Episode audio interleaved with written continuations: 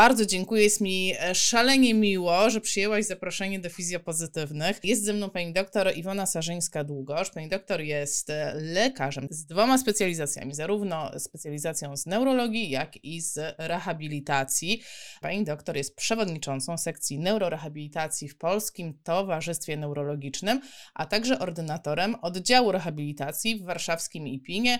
IPIN to jest Instytut Psychiatrii i Neurologii, czyli taka zacna placówka zajmująca się leczeniem i rehabilitacją osób z chorobami neurologicznymi.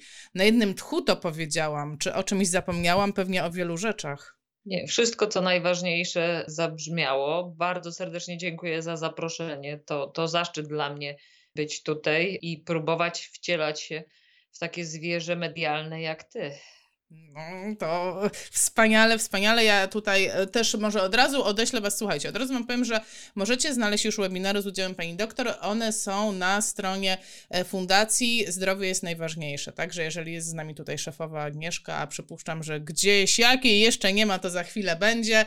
Także zapraszam Was e, również na kanał Fundacji. Tam już znajdziecie dużo informacji na temat leczenia spastyczności, ale mnie interesuje taki konkret, mnie interesuje taki mały wycinek z tych wszystkich, z tych wszystkich wszystkich rzeczy lekarskich, o których mówiłeś w, e, i w webinarach, e, i na konferencji, mnie interesuje ta botulina. Troszeczkę się zdziwiłam, było to dla mnie takie, takie, takie no w sumie niespodziewane. Jak powiedziałaś coś takiego, że żeby leczyć botuliną w Polsce, to jednak trzeba być takim pasjonatem, trzeba mieć do tego jakieś takie zamiłowanie, że to nie jest tak, że każdy lekarz e, po prostu, a dobra, to wezmę sobie tą strzykaweczkę i będę ostrzykiwał tych pacjentów.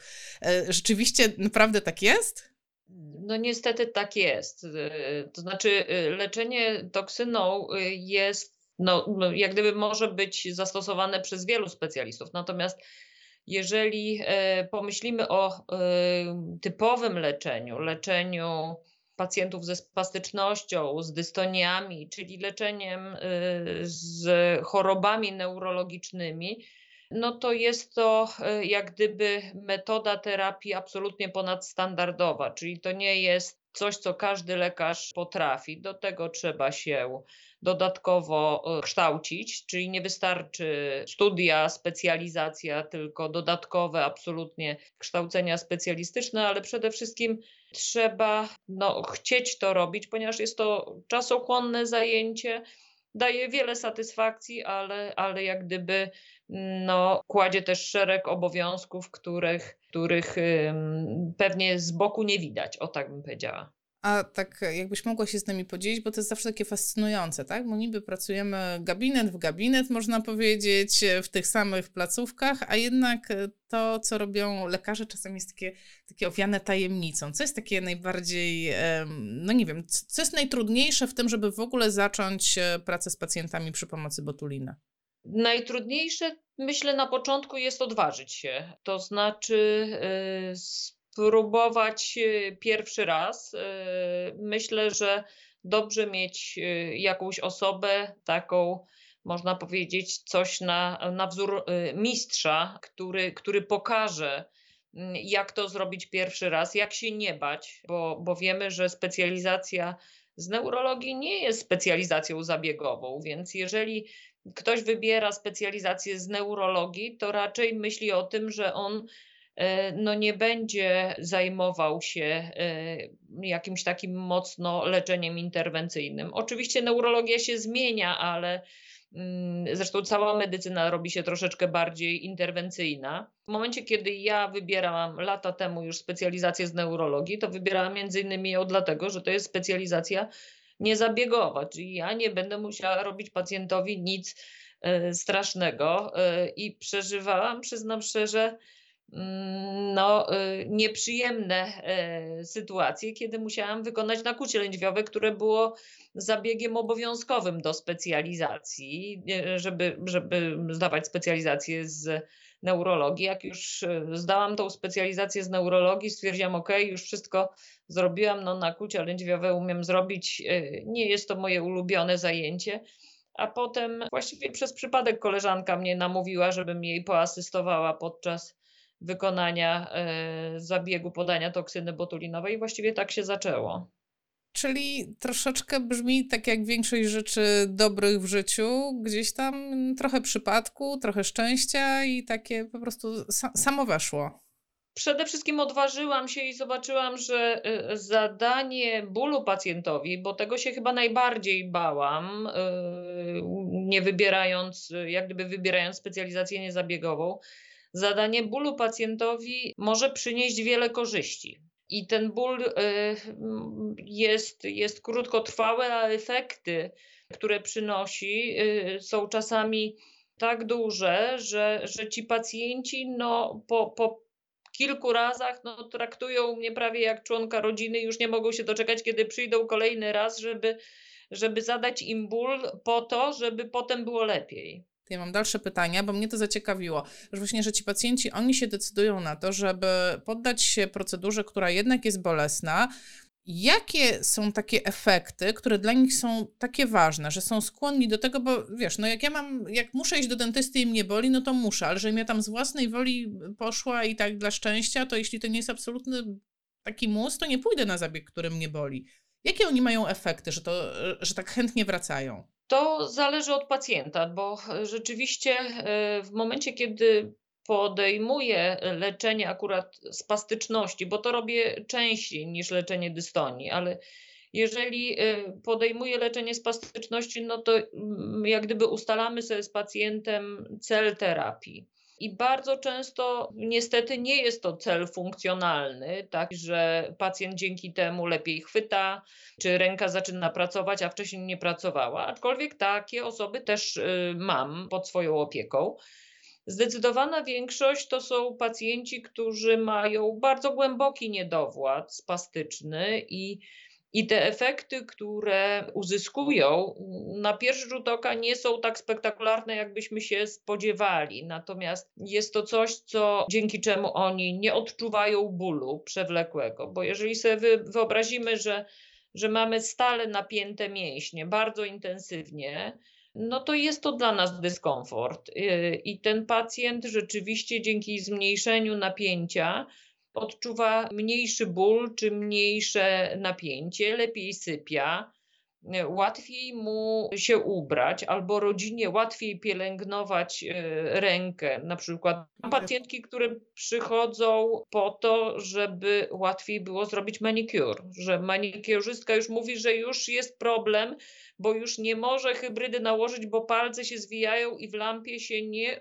utrzymają. Także, także te wszystkie cele są istotne, jeżeli one wpływają na poprawę jakości życia. To co to są za pacjenci? No może tak sobie zacznijmy. Co to są w ogóle za pacjenci? No bo ja rozumiem, że tacy, którzy mają spastyczność, ale no ja oczywiście będę myśleć o udarowych, no bo ci są moi ukochani, ale czy tylko udarowi pacjenci skorzystają na takim leczeniu botuliną? Niestety nie tylko. Mówię niestety, ponieważ tylko pacjenci po udarze na chwilę obecną mają to leczenie refundowane, czyli leczenie całkowicie bezpłatne dla pacjenta w przypadku spastyczności, leczenie za pomocą toksyną botulinową jest możliwe tylko e, dla chorych e, po udarze mózgu ale wszystkie inne przypadki spastyczności, czyli spastyczność po urazach czaszkowo-mózgowych, czy po urazach rdzenia kręgowego, e, spastyczność w przebiegu stwardnienia rozsianego, spastyczność dorosłe, mózgowe porażenie dziecięce, dziedziczne paraplegie spastyczne, to są te przypadki, które e, które e, odnoszą korzyści z takiego leczenia. Niestety jednak za wyjątkiem udarów jest to leczenie, które no, musi się odbywać komercyjnie, czyli jest bardzo kosztochłonne dla pacjenta. Tutaj już mamy pierwsze pytania na czacie i w sumie to jest dobre pytanie. Mm, nie wiem, czy to się tak w ogóle da określić. Ile na przykład tak standardowo, przeciętnie trzeba podać tej botuliny pacjentowi i nie ukrywam, że chodzi mi o koszt takiego komercyjnego zabiegu, tak? No bo rozumiem, że on musi zapłacić za tą botulinę, ale musi jeszcze zapłacić no za za, za usługę, tak? I tak mhm. po prostu zastanawiam się, ile to kosztuje, czyli ile, oszczędza, ile oszczędzają, no tak można powiedzieć, osoby, które mogą być w programie. Powiedzmy e, tak, w programie, tak jak mówiłam, leczenie jest bezpłatne i Jedna fiolka toksyny y, kosztuje średnio, oczywiście w ośrodkach, które prowadzą leczenie, nie takie, że pacjent idzie do apteki i kupuje, bo bo gdyby pacjent poszedł do apteki z receptą i realizował tą receptę, on zapłaci więcej jeszcze niż w ośrodkach, które komercyjnie podają toksynę botulinową, bo one też mają specjalną cenę. Więc w ośrodkach, które podają toksynę, toksyna kosztuje w granicach, w zależności od preparatu, najtańsza kosztuje 400 zł z groszami, jedna fiolka, a właściwie no, podstawowa toksyna, która jest na rynku najczęściej i ma najwięcej wskazań rejestracyjnych, więc można powiedzieć dzięki temu jest no, najbardziej y, rozpowszechniona, kosztuje 650 za fiolkę. W przypadku spastyczności kończyny górnej y, mam pacjentów, którzy otrzymują od jednej fiolki do trzech. W przypadku spastyczności kończyny dolnej od jednej fiolki do czterech maksymalnie na sesję jedną, na jedną sesję podań możemy podać do 6 fiolek, co oznacza 6 razy 6,5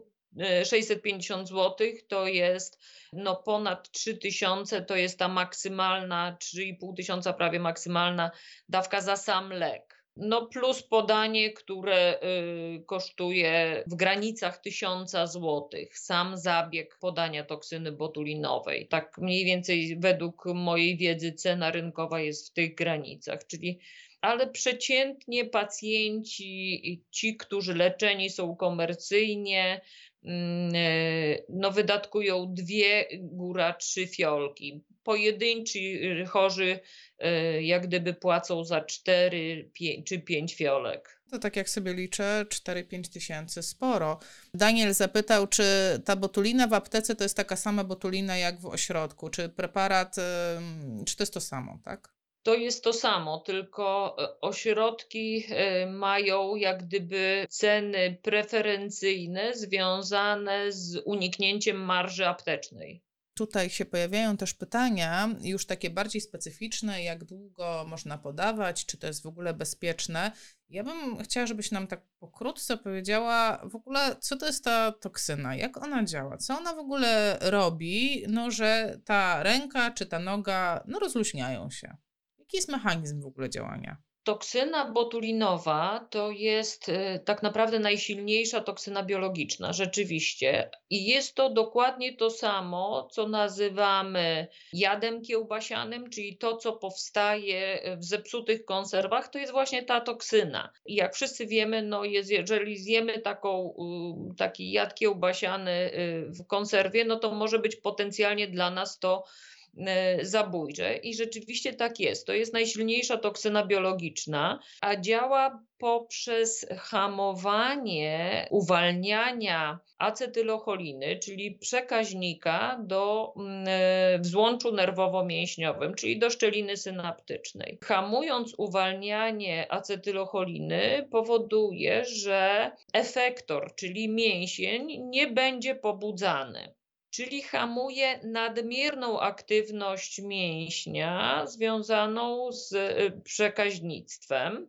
I to jest taki podstawowy mechanizm działania który no, jest, można powiedzieć, takim y, mechanizmem poniekąd nieodwracalnym, bo toksyna botulinowa łączy się z receptorami w błonie presynaptycznej w sposób trwały i uszkadza te receptory trwale. W związku z tym, w momencie, kiedy ona zniszczy te receptory, to sama również się rozpada, czyli nie ma czegoś takiego, że toksyna się w organizmie mm, gromadzi, bo ona w momencie, kiedy zaczyna działać, to już sama rozpada się, mm, czyli tej cząsteczki aktywnej już nie ma, tej, tej którą y, podaliśmy, a jest to cząsteczka białkowa, czyli nie mamy czegoś takiego, żeby toksyna się w organizmie kumulowała, ale jednocześnie w związku z tym, że niszczy trwale te receptory dla mm, pęcherzyków presynaptycznych, to zawsze się pojawia pytanie, to dlaczego przestaje działać? I kiedy przestaje działać? Otóż y, toksyna działa około 12 tygodni. I te 12 tygodni jest potrzebne do tego, żeby neurony wytworzyły nowe połączenia, czyli dochodzi do bocznicowania aksonów i tworzą się zupełnie nowe synapsy, które dochodzą do tych włókien mięśniowych, które uległy poniekąd odnerwieniu poprzez podanie toksyny i w momencie, kiedy te synapsy nowe się wytworzą, ta acetylocholina znowu jest uwalniana, bo to się, są zupełnie nowe, zdrowe synapsy z nowymi receptorami dla pęcherzyków presynaptycznych. To jest pokrótce, jeśli chodzi o mechanizm działania i to, jak długo działa i kiedy przestaje działać i dlaczego przestaje działać. Natomiast jeśli chodzi o, o to, jak długo można podawać toksynę, toksyna jest na rynku ponad 30 lat. I co roku, albo niemal co roku, pojawiają się nowe wskazania terapeutyczne. To oznacza, że jest to lek bardzo, no bardzo dobry, bo mało kto poszukuje kolejnych wskazań dla tak starej cząsteczki lekowej. A tutaj tak się dzieje w przypadku toksyny. Najnowsze wskazanie które, rejestracyjne, które się pojawiło w ostatnich latach, to jest ślinotok. Chwilę wcześniej było leczenie pęcherza neurogennego, więc tych wskazań takich mm, medycznych, neurologicznych jest, można powiedzieć, mm, co kilka lat pojawia się y, nowe, nowe wskazanie terapeutyczne i są pacjenci, y, w, którzy leczeni są toksyną ponad 20 lat. To są pacjenci z dystonią ogniskową. Także w Polsce są tacy chorzy. Moi pacjenci, którzy najdłużej są w leczeniu, to są chorzy od mniej więcej 2012 roku systematycznie leczeni, a program lekowy mamy od 2014 i mam no, większość pacjentów, których mam w leczeniu w programie lekowym, w systematycznym leczeniu, to są chorzy, którzy są już minimum ze mną 5-7 y, lat. Po prostu mamy takie pytanie w punkt od Anastazji. Czy to nie jest tak, że przez to, że ta funkcja, ta spastyczność powraca, czy to nie jest tak, że pacjenci są zawiedzeni, kiedy ona przestaje działać, że to może być takie dla nich demotywacyjne? Jakie są Twoje doświadczenia w tym? Powiem szczerze, że miałam jednego pacjenta, który nie lubił efektu, jak przestaje działać toksyna, na tyle, że powiedział, że no właściwie no, to nie jest dla niego korzystne, e, żeby on przyjmował. Jeden, jedyny pacjent od 2014 roku. Reszta chorych nie jest e, zawiedziona, ale oczywiście w każdej terapii, tak samo w terapii toksyną, nim ja podejmę decyzję o leczeniu i pacjent podejmie decyzję, że chce spróbować, to ja wyjaśniam, na czym to leczenie polega i czego się pacjent może spodziewać, bo najczęściej y, Pierwsze, co pacjent przychodzi, to mówi, że on chce, żeby ta ręka działała tak jak y, wcześniej i żeby on był zdrowy. Więc y, to, co wspomniałam na początku, to jest ważne jest określenie realnych celów terapii, które pacjent może osiągnąć dzięki toksynie i ustalenie tych celów wspólnie z pacjentem, bo celem samym w sobie nie powinno być zmniejszenie napięcia mięśniowego, aczkolwiek są chorzy, którzy y, mówią, że to napięcie jest dla nich tak przykre, y, że, że oni chcą, żeby to napięcie zmniejszyć, ale tak jak mówię, wtedy celem nie jest obniżenie napięcia, tylko obniżenie tego przykrego odczucia towarzyszącego napięciu. No, to, to, jest bardzo ciekawe, co powiedziałaś, i od razu ja tak czytam cały czas y, czat, który jest niezwykle żywy y, i niezwykle dużo pytań się pojawia. I Ewelina zapytała, no, że y, właśnie jak to wygląda po pewnym czasie? Czy to, że podaje się temu pacjentowi mm, raz za razem botulinę, czy nie ma to wpływu na faktyczne funkcje, które chcemy odbudować. Bo to rzeczywiście troszeczkę tak jest, że ten pacjent przychodzi e, i on chce, żeby ręka działała, tak? Więc e, teraz, e, no nie wiem, no w jakiś sposób no nie wiem, trzeba ustalić cele terapii, tak? Bo z jednej strony ja, jako fizjoterapeuta, no chciałabym, żeby ta ręka zadziałała, czyli chciałabym ćwiczyć, a z drugiej strony, no dobrze, no to podajmy mu botulinę, no to ona będzie niewładna, no to w końcu będziemy ćwiczyć, nie będziemy ćwiczyć, jak to widzisz? Tak jak wspominałam, to zależy od y, pacjenta i jeżeli celem terapii jest poprawa funkcji chwytnej, czy y, poprawa, czy umożliwienie ćwiczeń w podporach, no to dostosowujemy dawkę y, toksyny, a jednocześnie lokalizację podania, czyli selekcję mięśni, które poddajemy leczeniu, tak żeby, żeby ten cel, który no mam nadzieję zawsze będzie wspólny, mój pacjenta i fizjoterapeuty prowadzącego,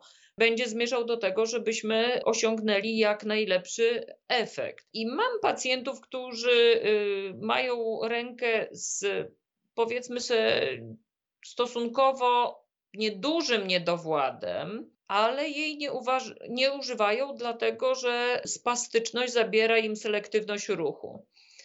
Więc u takich chorych podaję jak najmniejszą możliwą skuteczną dawkę toksyny, żeby nie osłabić siły mięśniowej, czyli żeby nie zabrać chwytu, ale jednocześnie umożliwić selektywność ruchu. I mam takiego pacjenta, to jest pacjent, który jeździ na nartach, po leczeniu toksyną. No, jest, y, pływa na desce surfingowej y, i on przychodzi do mnie i mówi tak. Teraz zginaczy palców nie leczymy tak mocno, bo jadę surfować i ja potrzebuję mocny chwyt. Po czym dzwoni za dwa tygodnie i mówi: Musimy leczyć rękę, bo ja nie mogę puścić żagla. Więc to są to są takie cele, które, które można ustalić, i to jest pacjent rzeczywiście leczony już w tej chwili no, od 2014 roku bardzo, bardzo systematycznie. Początkowo nawet, bo w programie lekowym leczenia spastyczności po udarze możemy leczyć pacjenta maksymalnie trzy razy w roku. Takie są zapisy programu. Czyli możemy leczyć pacjenta co 16 tygodni średnio. Tak jak powiedziałam, toksyna przestaje działać po około 12 tygodniach, plus minus. Oczywiście są osoby, które, które potrzebują więcej, które mniej. Akurat ten pacjent, o którym wspominałam, na samym początku potrzebował bardzo systematycznej terapii co 12 tygodni i on dokupował sobie toksynę, żeby podać mu między tymi podaniami NFZ-owymi, tak żeby był leczony co 12 tygodni. I pierwsze dwa lata on rzeczywiście był leczony cztery razy w roku, bo odczuwał taką potrzebę. Natomiast w tej chwili, dzięki no, tak intensywnej pracy yy, na, i wykorzystywania tej ręki, no on potrafi być leczony dwa razy w roku, czasami trzy razy w roku, ale takie co 18 tygodni. Mm, więc to nie jest tak, że, y, że on się przyzwyczaił jakoś dramatycznie do tej toksyny, ale jednocześnie na tyle nauczył się wykorzystywać tą, tą, tą swoją rękę, że on dobrze wie, kiedy potrzeba mu podać toksynę, a kiedy nie, i wie też, jakie planuje aktywności życiowe i na kiedy tej toksyny potrzebuje więcej, a na kiedy mniej. Wiesz co, ale to jest, e, to jest dla mnie taki znak, bo ja, ja, tak patrzę przez pryzmat, oczywiście fizjoterapii, przez pryzmat ruchu. Więc jeżeli na przestrzeni czasu, na przestrzeni miesięcy, lat, pacjent funkcjonalnie się poprawia, z tego co mówisz, on się funkcjonalnie poprawia. Aż się boję zapytać, czy on jest w procesie fizjoterapii, czy on ma fizjoterapeutę, czy on ćwiczy, czy tylko e, to jest tyle, ile żyje. Ale nawet jeżeli nie ma i to jest tyle, ile on funkcjonuje na co dzień, no to oznacza to, że po podaniu toksyny on wykonywał jakieś czynności, których zakładam by nie wykonywał, gdyby nie miał tego ostrzyknięcia, i przez to on na przestrzeni czasu poprawia się, można tak powiedzieć, czy ja płynę już? To jest pacjent absolutnie w stałej fizjoterapii, zdecydowanie. No, rodzina też znanego fizjoterapeuty warszawskiego. Rzeczywiście on y, dzięki podaniu toksyny pozbył się zjawiska, które nazywamy wyuczonym nieużywaniem. I dzięki temu po tych pierwszych dwóch latach takiego intensywnego leczenia, i bodźcowania tej ręki, e, no on uzyskał absolutnie poprawę funkcjonalną. Dlatego mówię, że mam różnych pacjentów, a ten jest akurat takim przykładem pacjenta, u którego widzimy ten efekt długofalowy, taki przenoszący się w sposób bardzo istotny na jego no, jakość życia i możliwość uczestnictwa na różnych poziomach w takich aktywnościach, których, z których przez pewien czas rezygnował. Brzmi świetnie. Uwaga, dorzucam łyżkę dziegciu. Pytanie od Natalii. Czy to prawda, że botulina przy małej spastyce może doprowadzić do wiotkości i dla osoby chodzącej się nie nadaje. To znaczy tak, jeżeli y, zasada jest taka, że spastyczność y, leczymy wtedy, kiedy powoduje objawy niekorzystne dla pacjenta. Jeżeli chodzi o spastyczność kończyny dolnej, mm, i, I, zasadnicza zasada jest leczenia taka, że y, napięcie mięśniowe, które poddajemy leczeniu toksyną botulinową, powinno mieć dwa y, w zmodyfikowanej skali Ashworta w danej grupie mięśniowej, którą chcemy leczyć, czyli no, napięcie mięśniowe wzmożone przez cały zakres ruchu. Nie, absolutnie nie zgodzę się z takim stwierdzeniem, że y, może dojść do wiotkości. Oczywiście, y, jeżeli damy toksyny za dużo, to zawsze dojdzie do wiotkości, czyli porazimy mięśnie.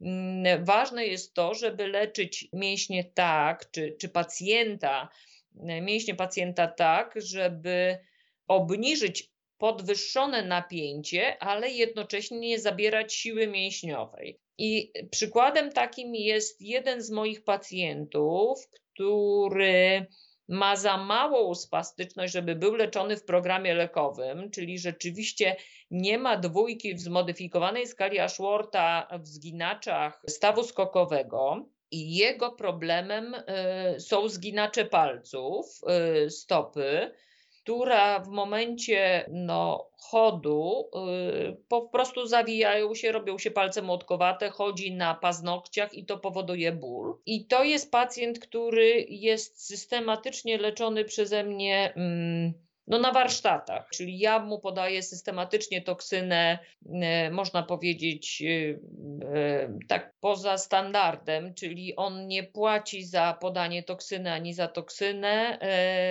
bo tylko jest modelem na warsztatach. I, i był leczony już cztero chyba krotnie i z każdym e, razem jego wzorzec chodu y, jest bardziej zbliżony do chodu prawidłowego.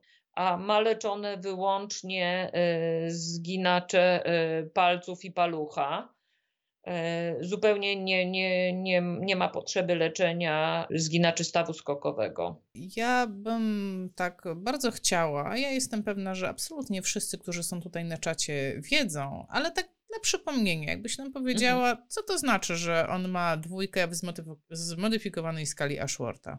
Tak jak już wspomniałam, dwójka w zmodyfikowanej skali Ashworta to jest napięcie mięśniowe wzmożone przez cały zakres ruchu, podczas gdy wykonujemy ruch od pełnego zgięcia do pełnego wyprostu w danym stawie, jeżeli badamy zginacze, czyli od pełnego zgięcia do pełnego wyprostu wykonujemy ruch w ciągu jednej sekundy i ten szybki ruch, y, czujemy, że napięcie jest wzmożone przez cały zakres ruchu. Lub też jeżeli mówimy o prostownikach, to z kolei od pełnego wyprostu do pełnego zgięcia, w danym stawie oczywiście.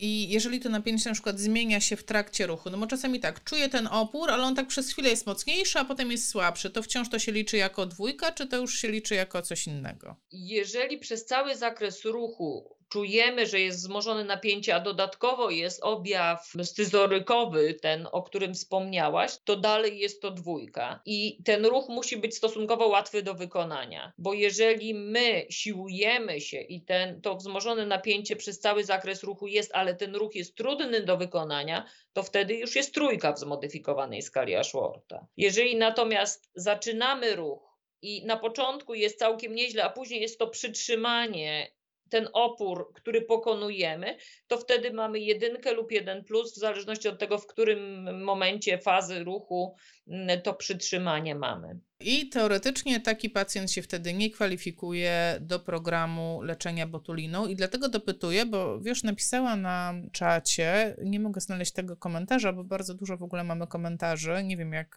po prostu y, dam radę zadać tyle pytań. Napisała jedna osoba, że jej pacjent został zakwalifikowany do programu z wiotką ręką, co y, brzmi kosmicznie. I była podana ta botulina no oczywiście żadnego skutku, ale czeka na następne.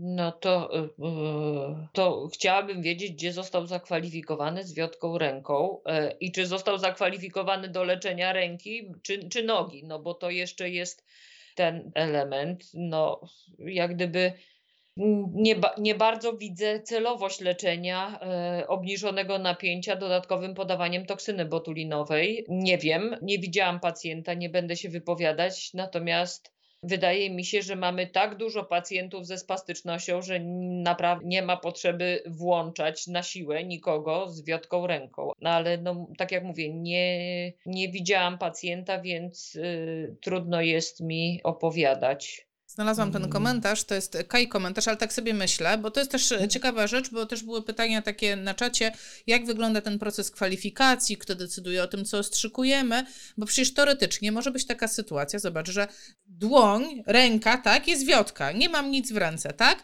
ale na przykład mam e, napięty piersiowy większy, może tak być, że ta spastyczność jest e, tylko w jednym stawie e, proksymalnym, czy tam, nie wiem, może jest w łokciu, a rzeczywiście w dłoni nie ma, no to wtedy wtedy faktycznie może być w opisie taka sytuacja, no mam pacjentkę, która ma wiotką rękę, jeździ na ostrzykiwania i to nic nie daje, no ale może ona jeździ na ostrzykiwania, nie wiem, piersiowego większego. Kaja, napisz nam, co, co twoja pacjentka miała ostrzykiwane, bo to jest w sumie taka ciekawostka, ale może tak być?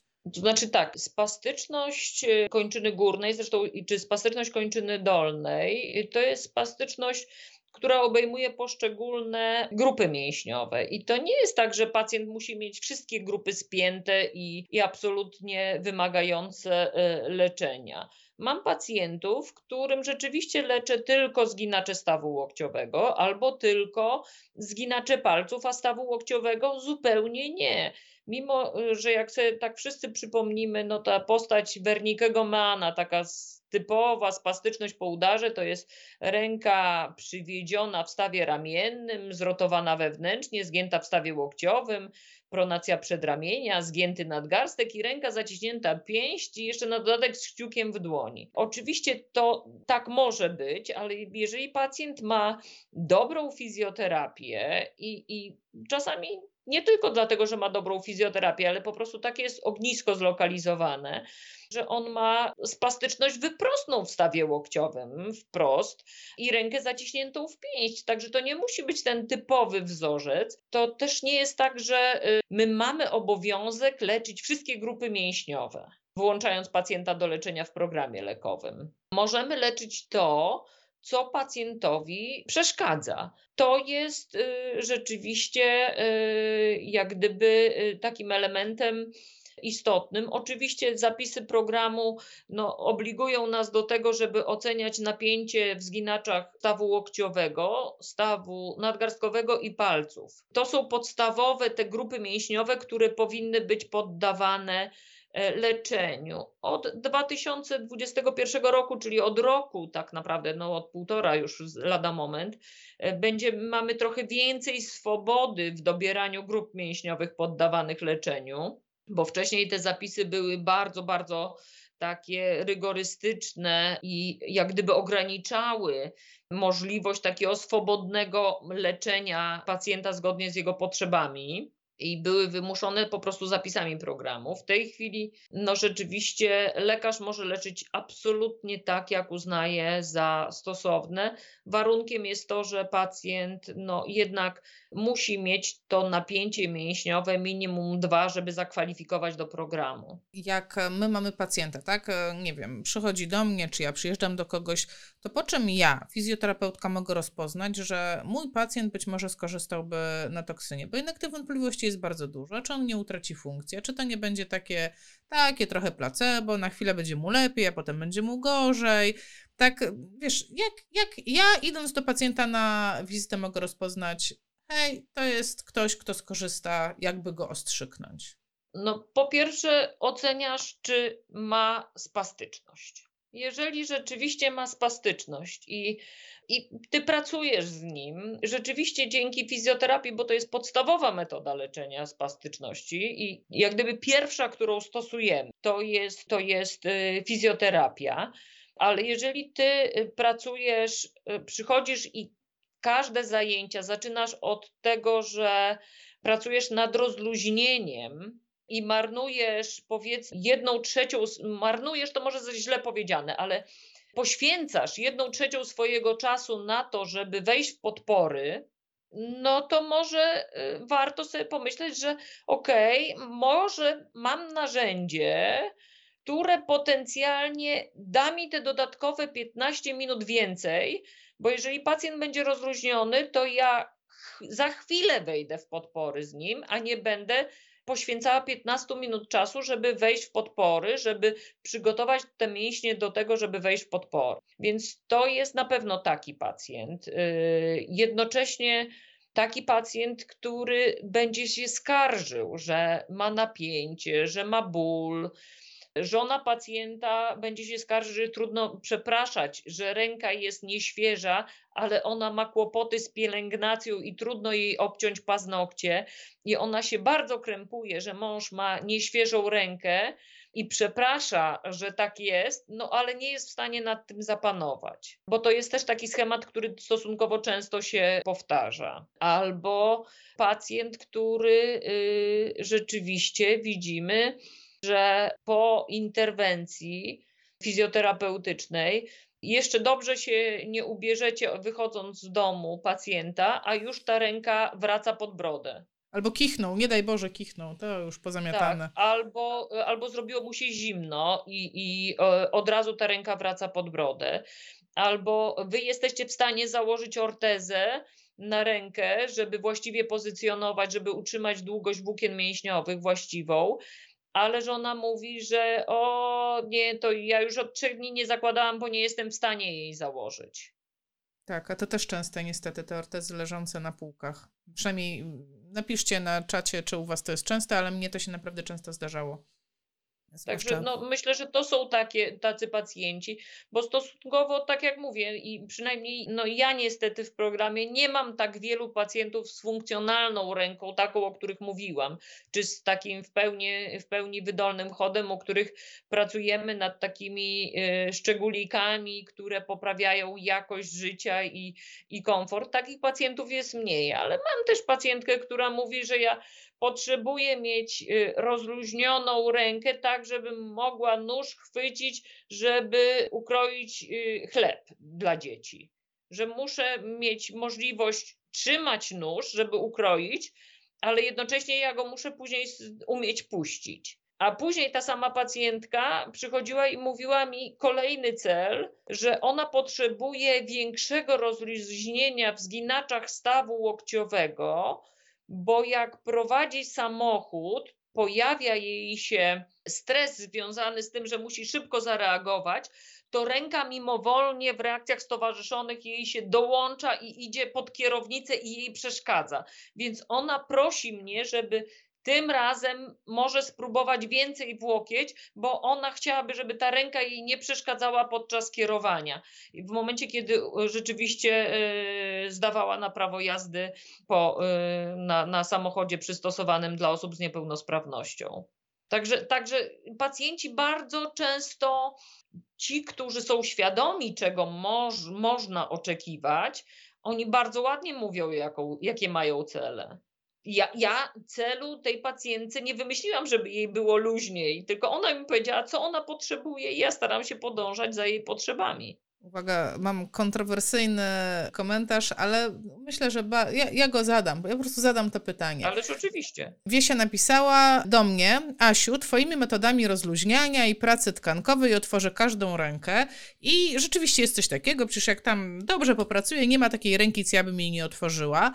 I chcesz mi powiedzieć, że to znaczy, że ja stracę pracę? Jak ten pacjent będzie miał podawaną botulinę, to co, to już koniec, koniec z moimi zadaniami, ja już nie będę potrzebna, nie będę mieć źródła zarobku? Jak to A jest? Wprost przeciwnie, wprost przeciwnie. Ja myślę, że będziesz mogła pożytkować swoją niezmierzoną energię na tylko lepsze efekty, bo, bo mm, Toksyna jest tylko narzędziem tak naprawdę dla fizjoterapeuty ostatecznie do pracy, dla pacjenta do samodzielnej pracy i dla fizjoterapeuty, żeby mógł osiągnąć więcej. Bo myślę, że tak, tak się spodziewam, że większości fizjoterapeutów nie, nie chodzi o to, żeby tylko otworzyć rękę, że dam radę otworzyć tylko chodzi o to, żeby ten efekt utrzymać dłużej i żeby pójść dalej. Skoro już otworzyłam, to może będzie możliwe coś więcej, może będą możliwe podpory. Tak, może coś zrobię, może okaże się, że ten pacjent ma na przykład e, władzę w e, przeciwnych grupach mięśniowych, tak, e, że on mógłby trochę popracować, ale te nadmierne napięcie zginaczy mu w tym nie pozwala, więc no jakby otwiera się dużo potencjału, ale wiesz, jest też sporo wątpliwości. Ewelina pisze, no ale jeśli toksyna przestaje działać, to nie utracimy tych wypracowanych efektów, czy nie kręcimy się w kółko, botulina, ćwiczenia, powrót do spastyki, botulina, ćwiczenia i tak dalej. No, wydaje mi się, że troszkę odpowiedziałaś na, już na ten komentarz przykładem tego pacjenta, który właśnie poprawił się na przestrzeni lat, ale tak, no wiem, że tych wątpliwości jest w nas sporo, Nie. tak? No na pewno będziemy się trochę kręcić w kółko u wielu pacjentów, ale otwierając rękę na każdych zajęciach i zamykając ją, robicie dokładnie to samo. Też się kręcicie w kółko. Też nie idziecie dalej. Także to nie jest tak, że, yy, że to nie jest lek, który spowoduje, że nastąpi natychmiastowy przełom. I u dużej grupy pacjentów jest to lek, który znosi objawy, które są dla niego przykre, ale jednocześnie zapobiega powikłaniom wtórnym, których pacjent może doświadczyć, jeżeli, mm, jeżeli y, na przykład y, zdarzy się tak, że zaniecha na jakiś czas fizjoterapii bo na przykład będzie miał covid i trafi y, do oddziału, gdzie nikt go nie będzie rehabilitował, bo będzie na oddziale covidowym, a nie na oddziale rehabilitacji.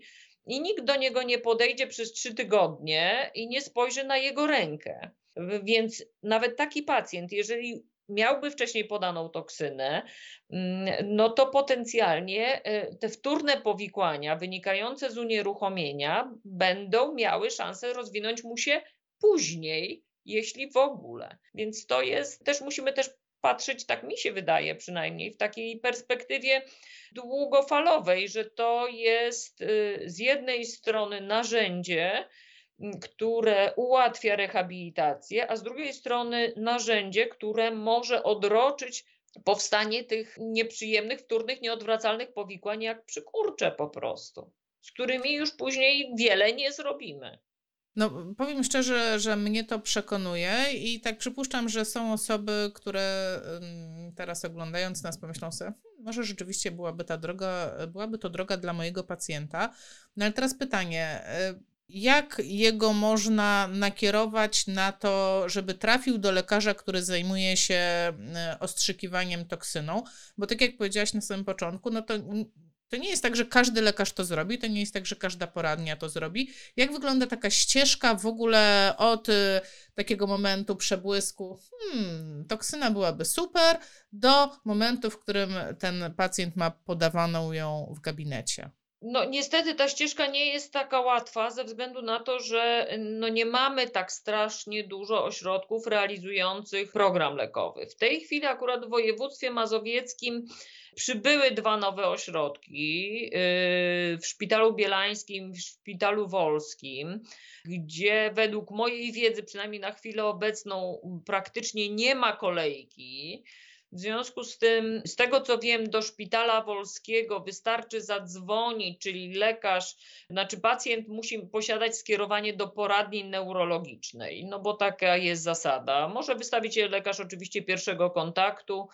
I dobrze by było, żeby mm, no, rozpoznanie było stan po udarze, czyli I69, i żeby był dopisek, zawsze na skierowaniu piszemy, że celem kwalifikacji do leczenia toksyną albo celem leczenia toksyną botulinową, wtedy taki pacjent jak gdyby nie trafia do ogólnej kolejki poradni neurologicznej, tylko już do tych lekarzy, którzy zajmują się leczeniem toksyną. Tak jak mówię, niestety no takich lekarzy strasznie dużo nie ma. Natomiast y, według mojej wiedzy w szpitalu wolskim w tej chwili praktycznie, jeżeli rodzina posiada takie skierowanie, to, to praktycznie od ręki taki pacjent jest umawiany na wizytę. Podobnie chyba jest w szpitalu bielańskim, bo to są dwa szpitale, które uruchomiły program w tym roku, więc, więc nie mają jeszcze y, gromady chorych, których muszą objąć opieką. Ja mam nadzieję, że u nas w instytucie pewnie od czerwca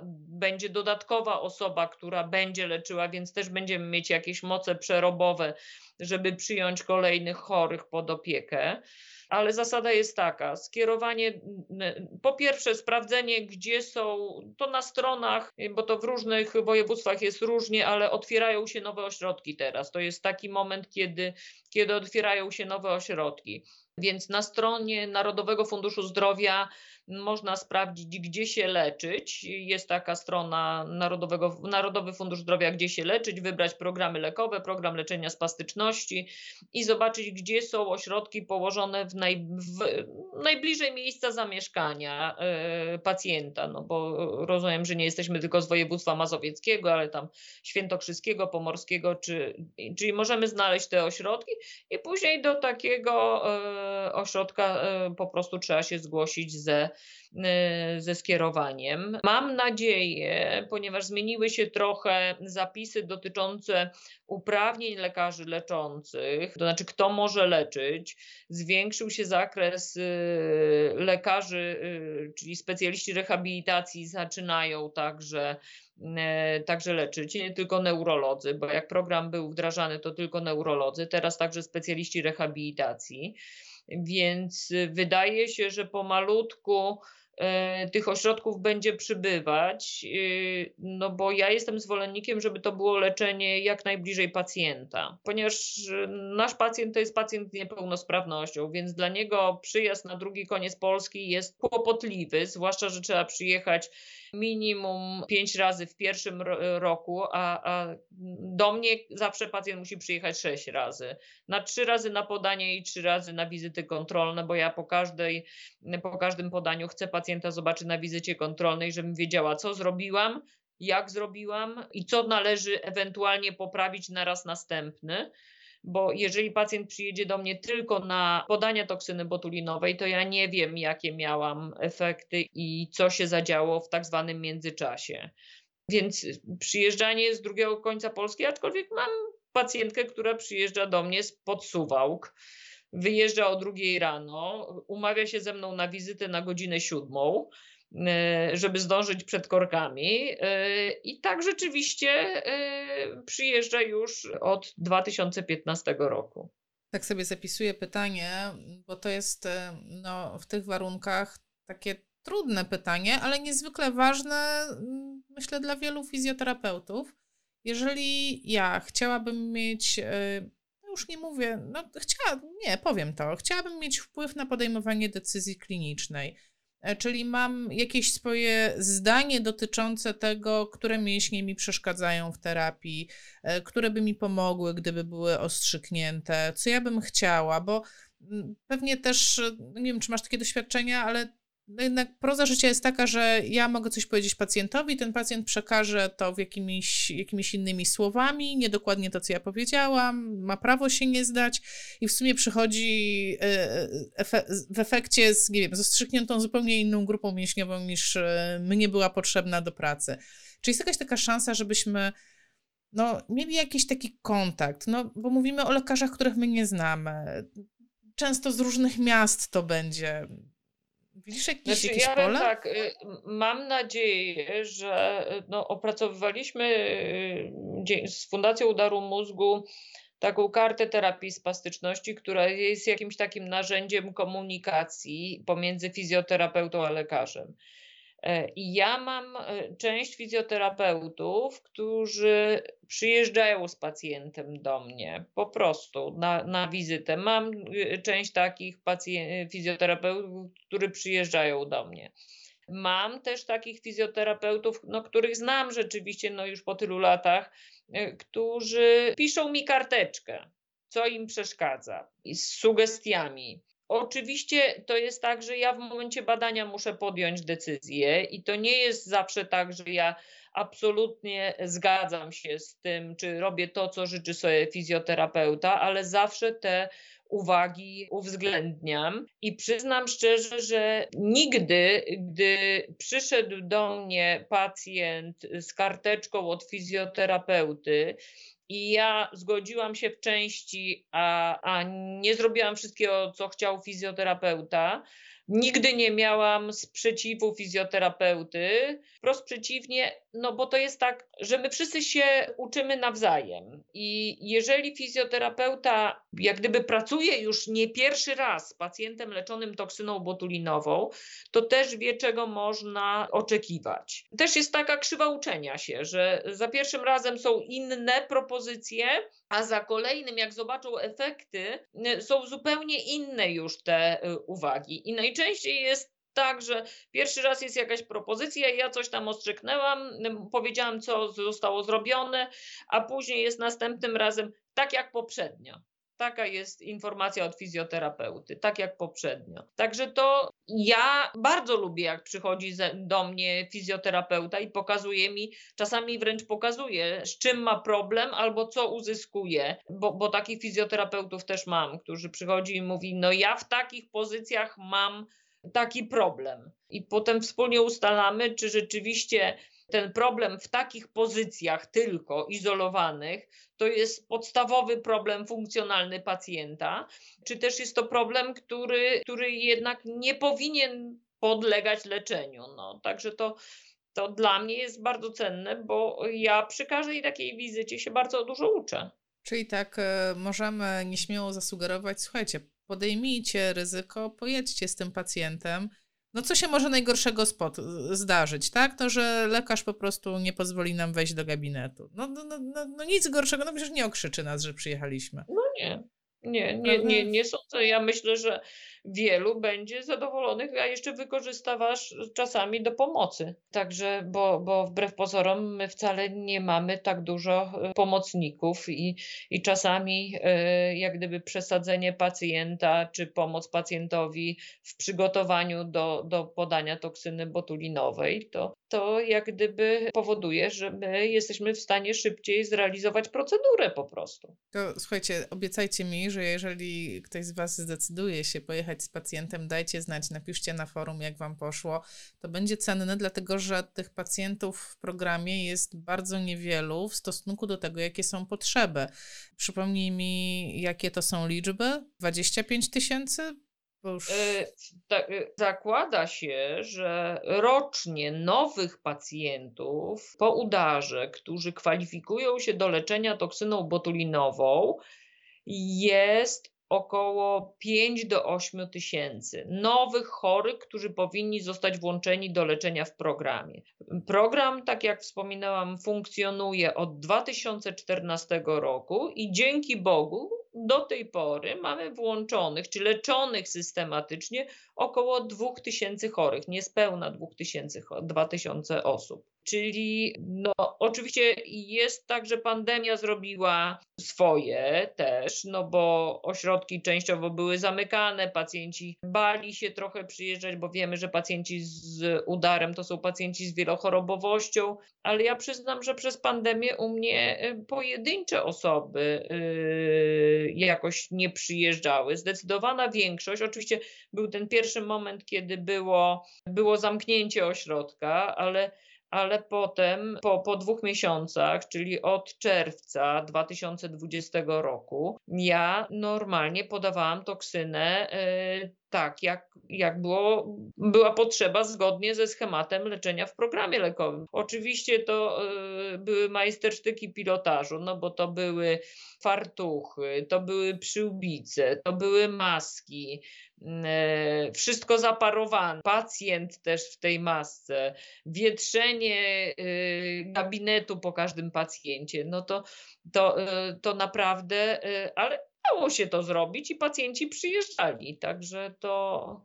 Mm, zresztą tak samo jak wy na pewno korzystali, mieliście ten moment, kiedy pacjenci trochę bali się, żebyście przychodzili do nich na początku pandemii, a potem to wróciło tak. wszystko do normy, oczywiście z zachowaniem zasad bezpieczeństwa.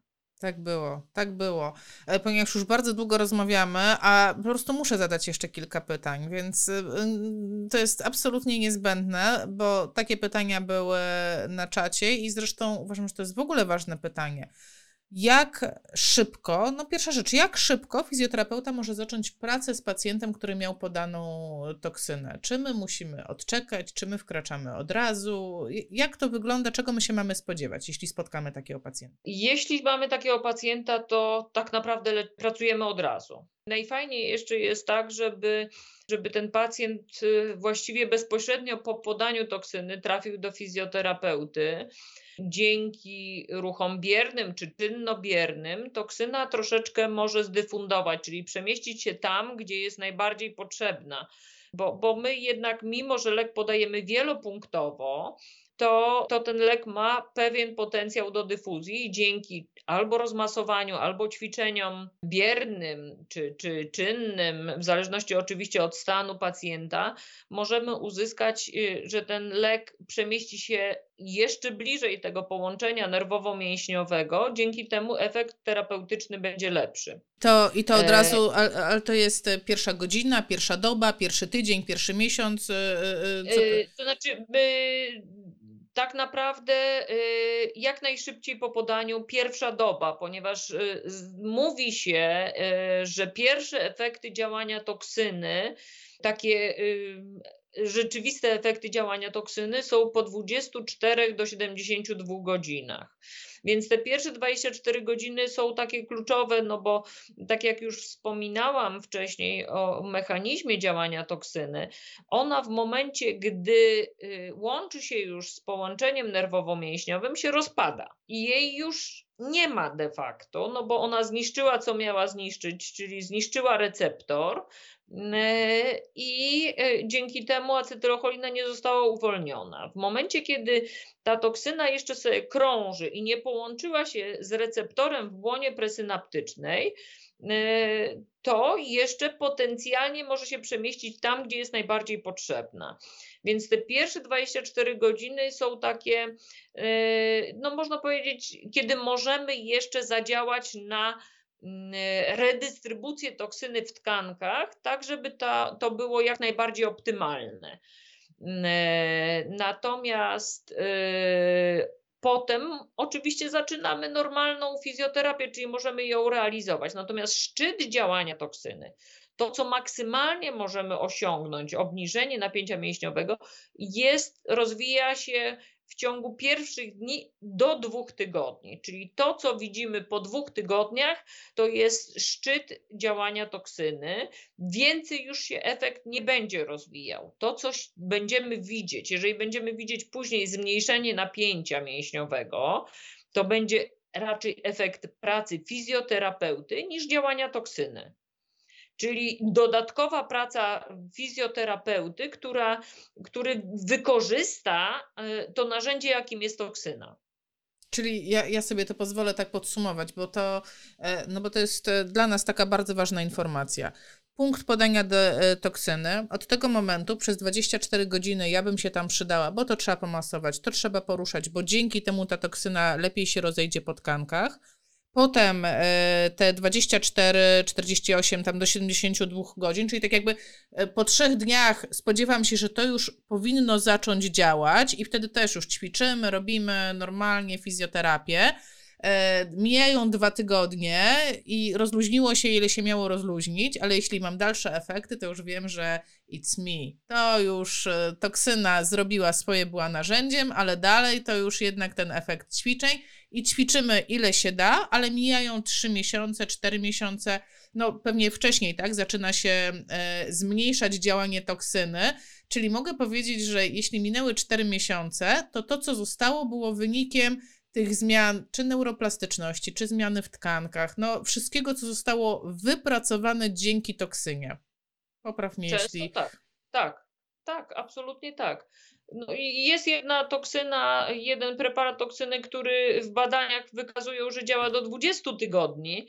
No ale y, y, standardowo jednak u większości pacjentów ten szczyt działania toksyny jest do 12 tygodni, czyli po 12 tygodniach już y, możemy się spodziewać, że to, co zostaje, to jest to, co jest w większości wypracowane przez nas. Także to też jest y, no, fajne narzędzie, bo też widzimy, mm, co udało nam się osiągnąć tak naprawdę.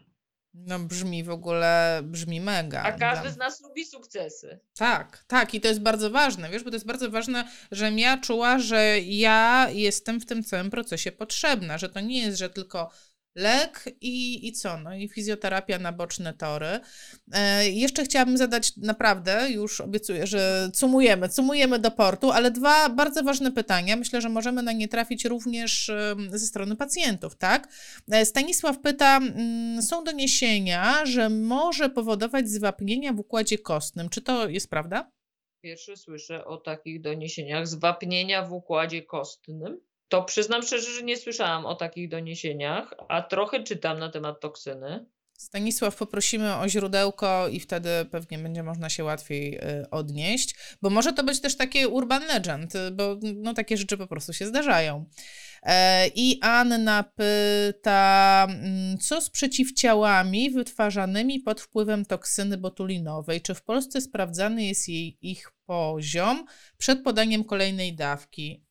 Co to są e, przeciwciała przeciwko toksynie? Że, tak jak powiedziałam, e, toksyna to jest białko, czyli białko, które potencjalnie przeciwko niemu mogą wytworzyć się przeciwciała. E, rzeczywiście jest potencjalna taka możliwość.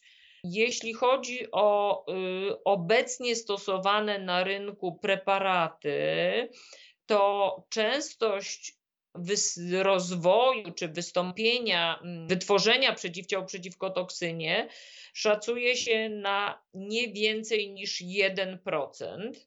Nie bada się tego rutynowo. Badania przeciwciał wykonuje się w chwili obecnej wyłącznie w badaniach e, lekowych i rzeczywiście się wykonuje. Jeżeli są badania toksyn, a, a są prowadzone w Polsce przynajmniej kilka badań różnych toksyn w różnych wskazaniach, y, to rzeczywiście jako jedno, jedno z badań wykonywanych jest wykonywa ocena występowania przeciwdział.